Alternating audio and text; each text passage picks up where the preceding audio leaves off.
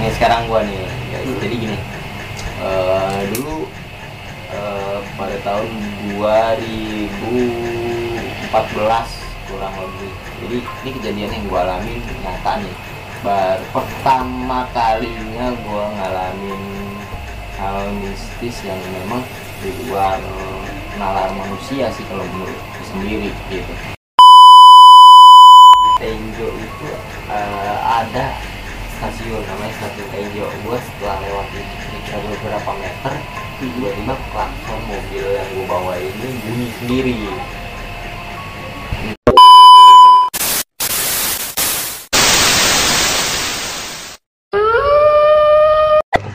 Assalamualaikum warahmatullahi wabarakatuh.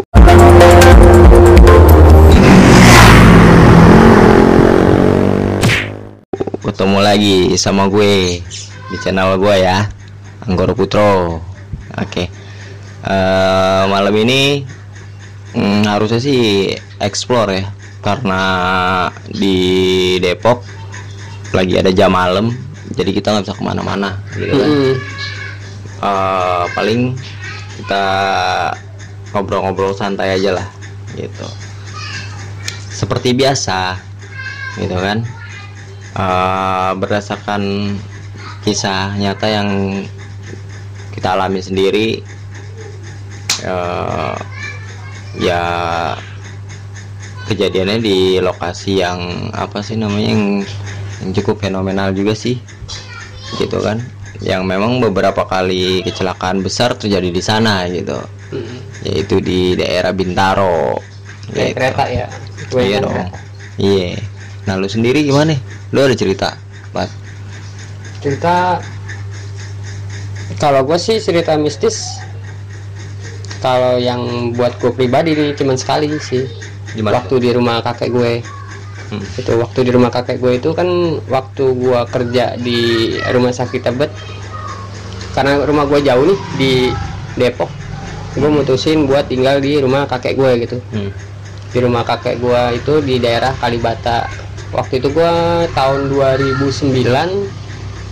itu gua kerja di rumah sakit Tebet itu sebagai cleaning service gitu. Karena kan uh, mm, jadi cleaning service itu gua harus datang uh, pagi gitu. Lebih Sebelum- awal ya? iya sebelum orang-orang atau suster yang aplusan datang gua harus datang terlebih dahulu gitu. Hmm, hmm.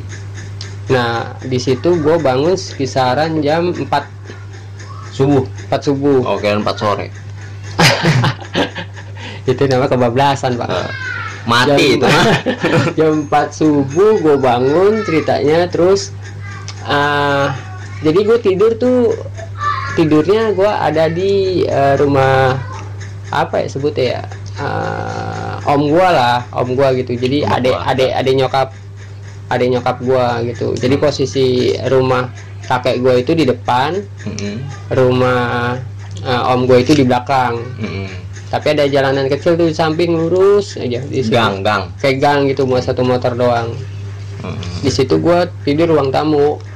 Emang sih gue sempat dengar cerita-cerita yang di rumah om gue itu gitu tentang makhluk-makhluk di situ. Tapi di rumah om gue itu gua nggak pernah eh, apa nemuin kejadi- kejadian-kejadian aneh di situ.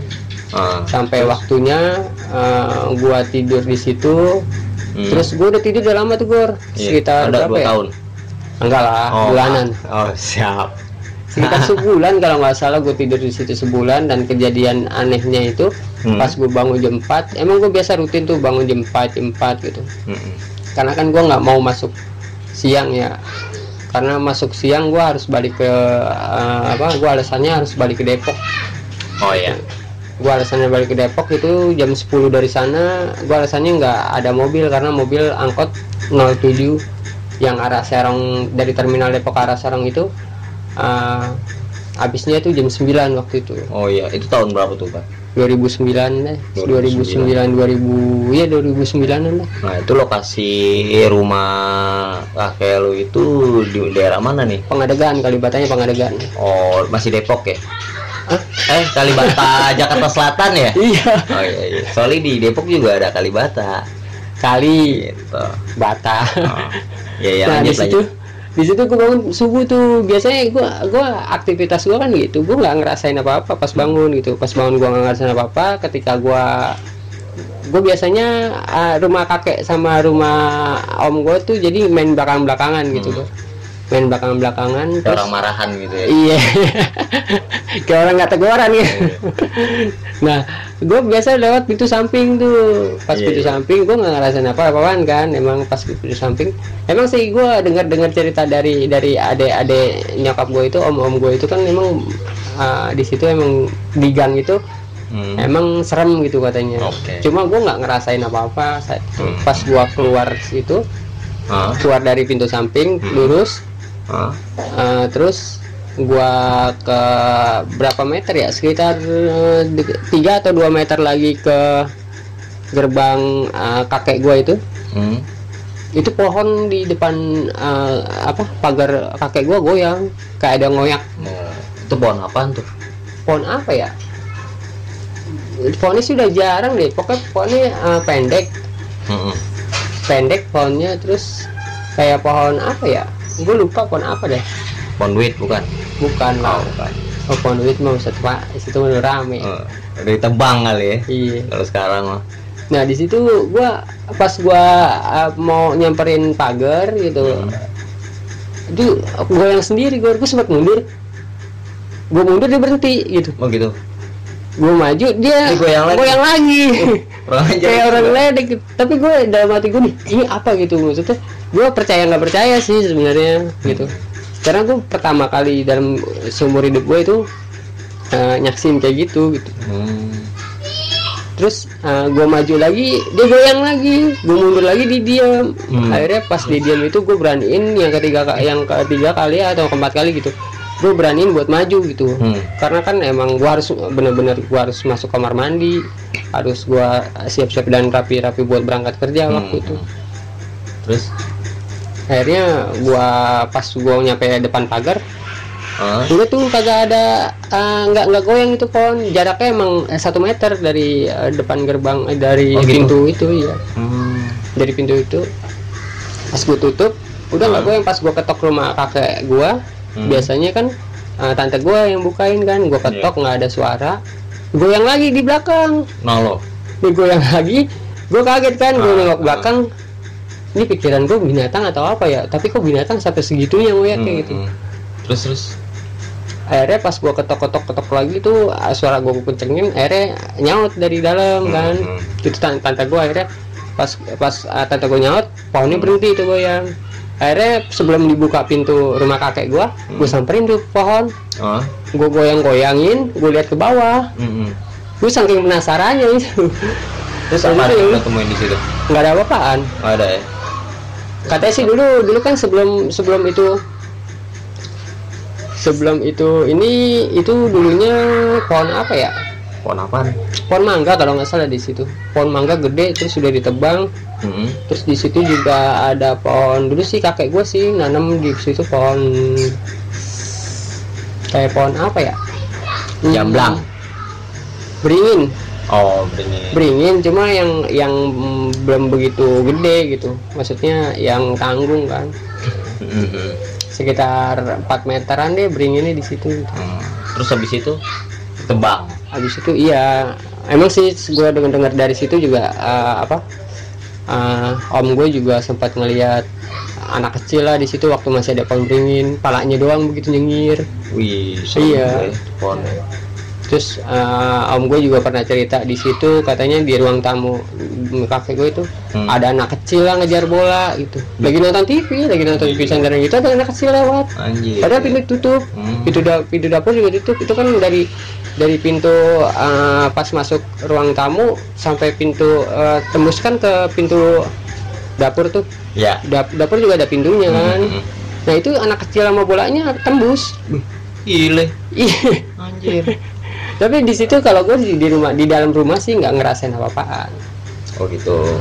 terus juga apa ya kalau om gua om gua yang om gua sih sebenarnya ada banyak gor itu dari dari ada adik nyokap gua om gua yang ke berapa ya ke yang keempat kalau nggak salah dia eh, apa pernah juga nemuin di situ nenek-nenek gitu Hmm. dia keluar malam karena bete mungkin ya di rumah Si nenek itu.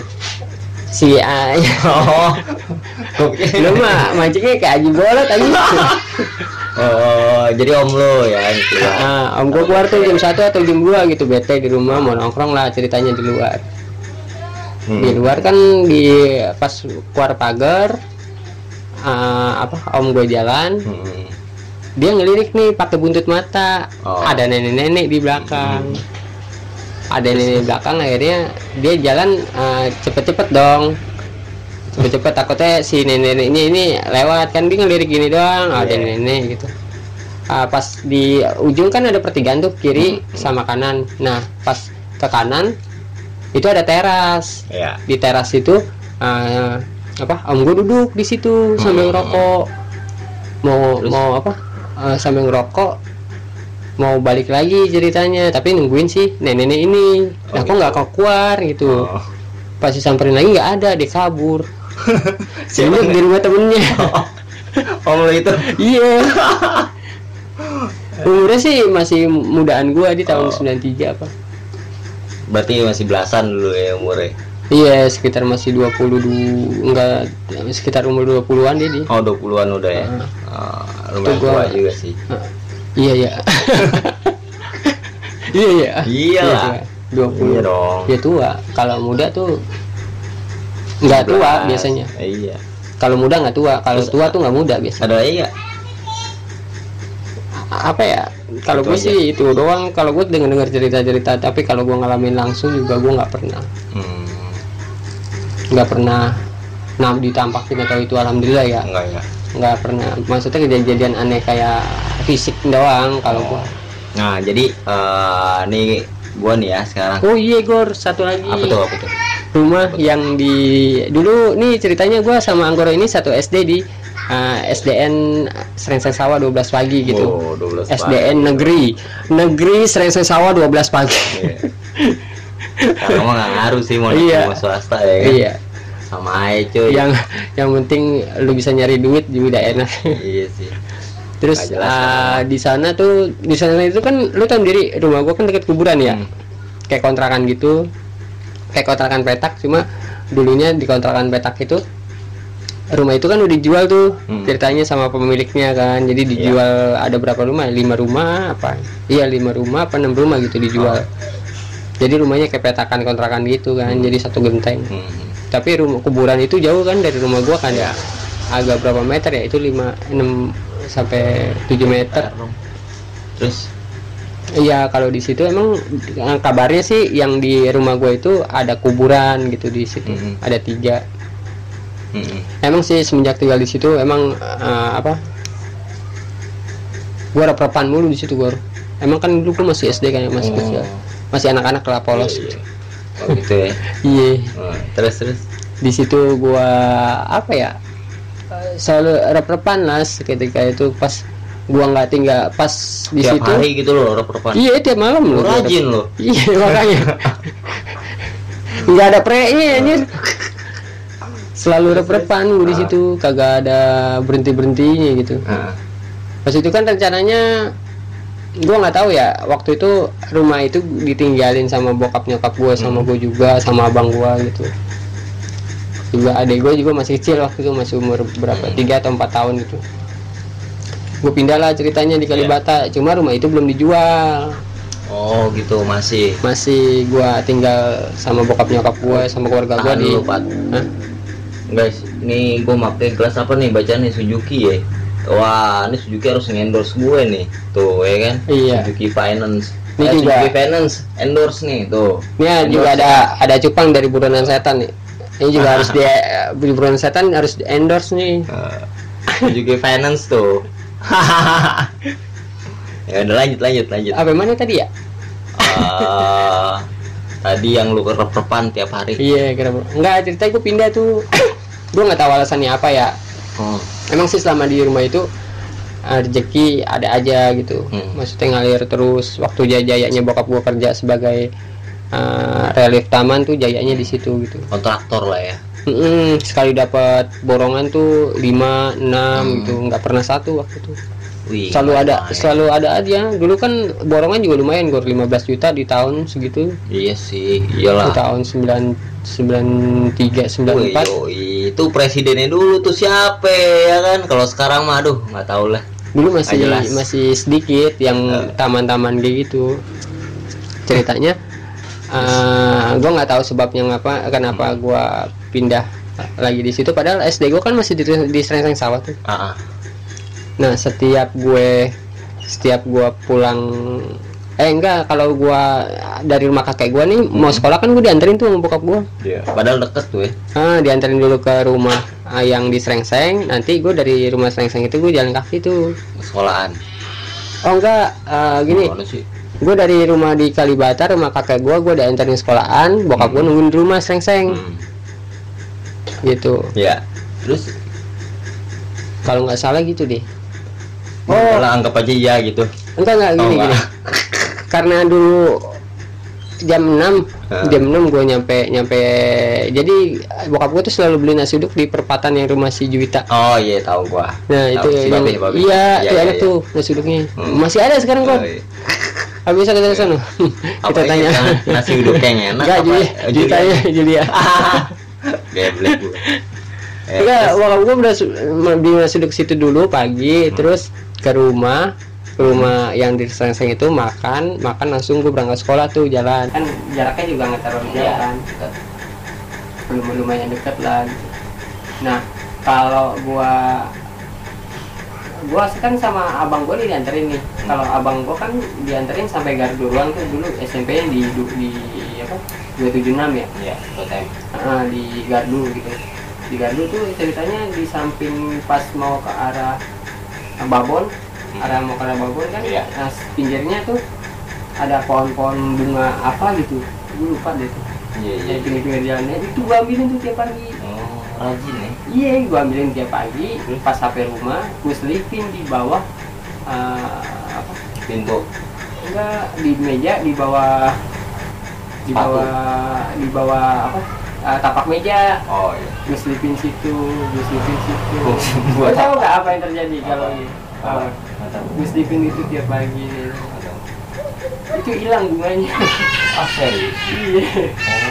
gue datang situ, eh gue uh, nurinin abang gue, gue ambil bunga, gue ke rumah. ah, paginya gue selipin, Hmm. ya kan? Pagi gue selipin, siangnya masih ada tuh. Iya. Nah siangnya masih ada, gue mau berangkat pulang ke rumah kakek gue nih siang. gue lihat dulu nih masih ada nih, gue tutup. Hmm. hmm. ya kan pas pulang ah, besok paginya Hmm. gua anterin abang gua lagi Hmm. Gua ambil bunga itu lagi Hmm. ya kan bunga yang bunga yang di tempat yang sama gua ke rumah gua Hmm. gua gua masuk duluan Hmm. gua lihat di, di tapak meja gua angkat udah nggak ada gua lagi bunga yang baru Oh, gitu. Itu selalu nggak ada tuh setiap Iya, Ah. kembang di situ ya. iya selalu bilang tapi gua selalu selipin Oh, Tapi bukan nyokap lo yang nyapuin ya? ya kan nyokap gua rumah kakek gue Oh, iya. Iya. kan itu rumah kosong Aneh sih ya. Iya. Tapi di situ di, di antara meja itu ada kuburan dua kiri kanannya katanya sih dulu kononnya gitu Oh gitu. di kamar gue juga ada kuburan Nggak nggak sempet dipindahin berarti di Tiban.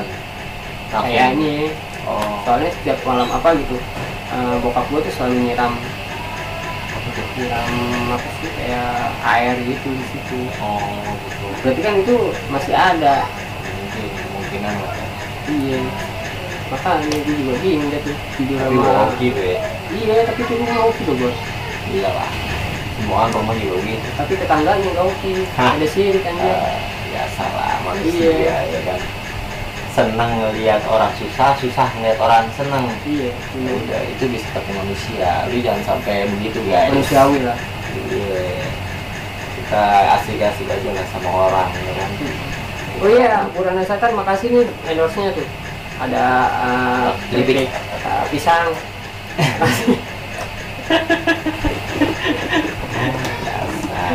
saya Purana Satan nggak datang ini dia lagi keluar kota ya Allah Lagi ke Bali, ngajak ngajak lagi Katanya sih dia mau ke Taman Wonderia. Iya, Manor Woman Oke, jadi ini sekarang gua nih. Hmm. Jadi gini, eh, dulu tahun 2014 kurang lebih. Jadi ini kejadian yang gue alamin nyata nih baru pertama kalinya gue ngalamin hal mistis yang memang di luar nalar manusia sih kalau menurut gue sendiri gitu. Oke jadi berawal dari tahun 2014 uh, waktu itu gue tinggal di Bekasi. Nah, ini kejadian lagi almarhumah mertua masih ada gitu. Ah, dia sakit kan? Ah, beberapa minggu dirawat di rumah sakit. Setelah dia eh, dokter sih belum menyatakan sembuh gitu kan. Tapi dia udah boleh pulang dari rumah sakit gitu. Nah akhirnya gue bawa pulang lah gitu kan rumah sakit dari rumah sakit ke rumah gua gitu yang di Bekasi. Karena gua waktu itu tinggal di Bekasi gitu kan. Nah habis itu dari rumah gua itu dia kurang lebih empat harian atau lima hari lah gitu kan. Nah dia minta diantar ke tempat adiknya di daerah Tenjo. Tinjau mana? Tenjo itu Bogor. Oh. gua nggak tahu Bogor mana. Eh, jadi lokasinya itu eh Tapi deket bukannya Bekasi sama mana? eh, Ya udah. Bogor mana? Nah itu dia di Bogor mana ya? Gue lupa. Pokoknya yang mau arah ke Rangkas Bitung lah. Ya, ya arah Rangkas lah. Jadi gue eh izin dari kantor. Waktu itu gue masih kerja. Gue izin dari kantor. Eh, berangkatlah gue antar mertua gue itu ke daerah Tenjo, gitu kan. Berangkat dari Bekasi itu jam 8 malam. Sisa, gitu kan Nah, jalan. Saya di jalan sih gua aman-aman aja sih. Berangkatnya itu aman-aman aja sampai ke lokasi gitu. Sampai ke tempat eh, tante istri gue itu. Nah sampai di sana itu sekitar jam 10 jam 11 lah ya.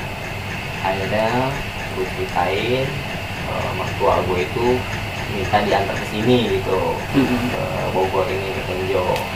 Ya udah tuh eh, keluarga di sana sih nyambut gitu kan karena memang eh, dia saudara satu-satunya dari mertua gue itu adik kandung. Ya udah Eh, karena berhubung besoknya gue kerja dan gue harus balik lagi lah ke Bekasi gitu kan perjalanan dari Bekasi ke Tenjo itu aja udah makan waktu sekitar dua jam lebih. Berarti baliknya lagi sama lah ya kalau nggak macet gua Harusnya lebih cepet dong.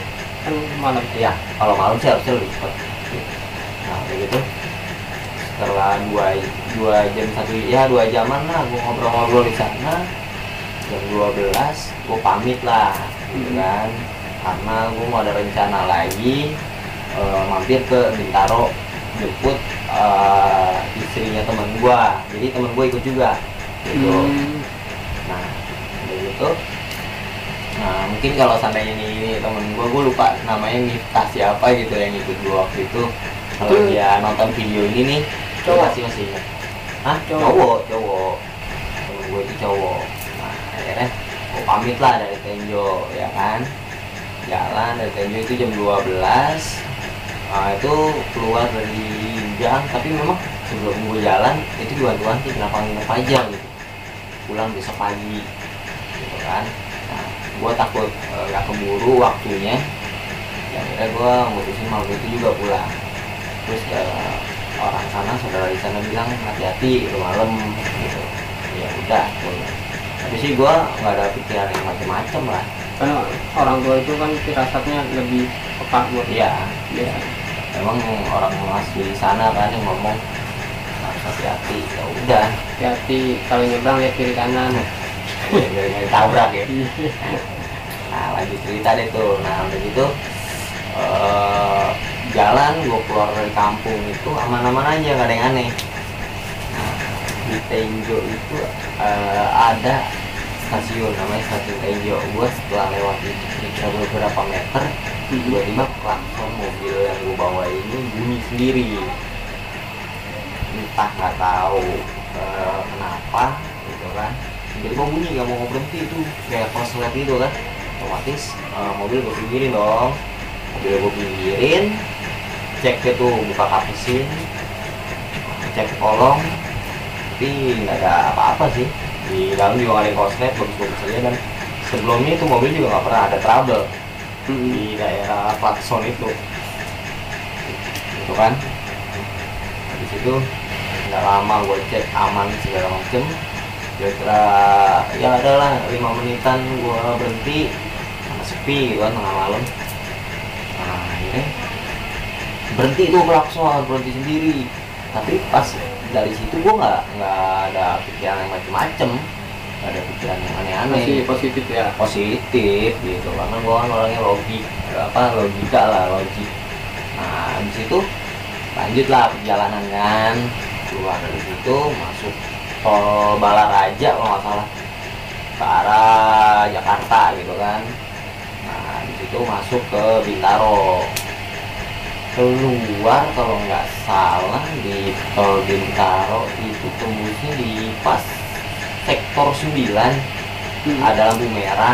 Nah jadi lampu merah yang kayak gitu tuh apa?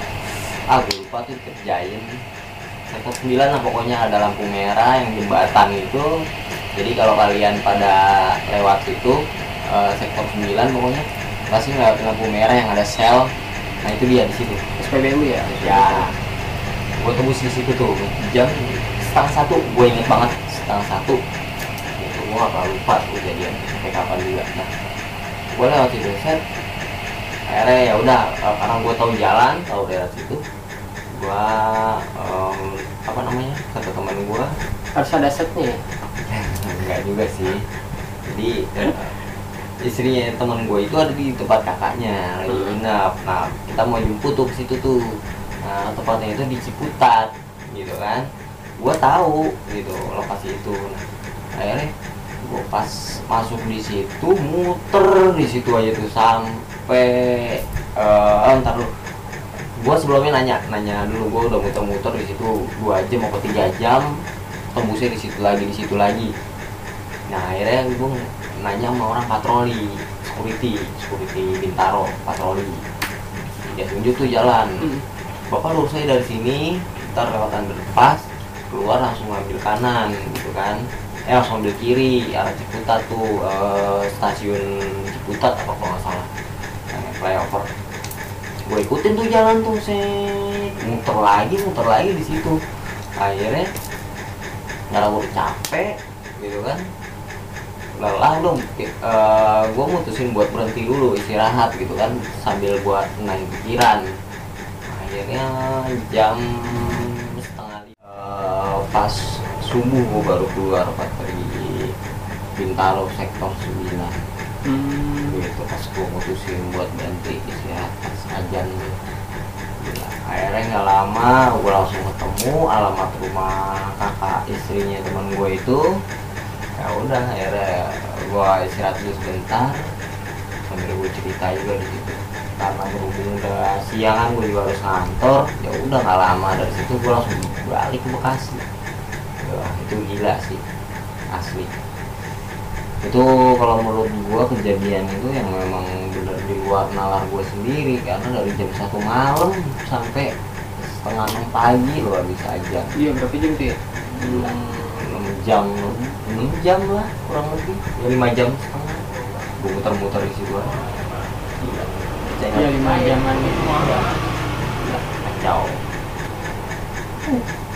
Gua kalau inget itu sih ya udah gua nggak apa ya nggak bisa lupa sih gua. Merinding gua kalau inget itu tuh. Gila kejadian itu. Gitu guys. Eh, kalau kalian punya eh, cerita atau kejadian pengalaman mistis yang kalian alami sendiri kalian boleh komen di kolom komentar di bawah. Nanti eh, yang paling menarik gue undang ke podcast gue ini gitu nanti kita ngobrol-ngobrol santai aja Iya, di sini di link di bawah deskripsi ini. Iya. Jadi eh, kemarin eh, ada yang inbox ke gua. Nah, itu menarik sih menurut gua. Eh, jadi harusnya eh, dia jadi narasumber gua. Jadi eh, di video gua yang di Menteng Pulau nih ini nih yang ada di atas ini nih. eh, gua dapat cerita jadi di makam itu pernah terjadi pembunuhan. Pada tahun 2016 gitu. Jadi cewek yang dibunuh di situ eh, katanya juga ketayangan apa gimana gitu kan. Eh, menurut saksian gua di lapangan kemarin itu yang penjaga makam gitu. Nah kebetulan nih yang saksi matanya ini yang melihat dengan mata kepalanya dia sendiri itu komen di eh, di video gue itu di kolom komentar gitu. Nah kemarin udah gue respon sih mudah-mudahan sih dia mau gue undang. Kita ngobrol-ngobrol di sini gitu. Nah, gue harap sih begitu. Ya gue mau tahu sih cerita lengkapnya realnya itu seperti apa gitu.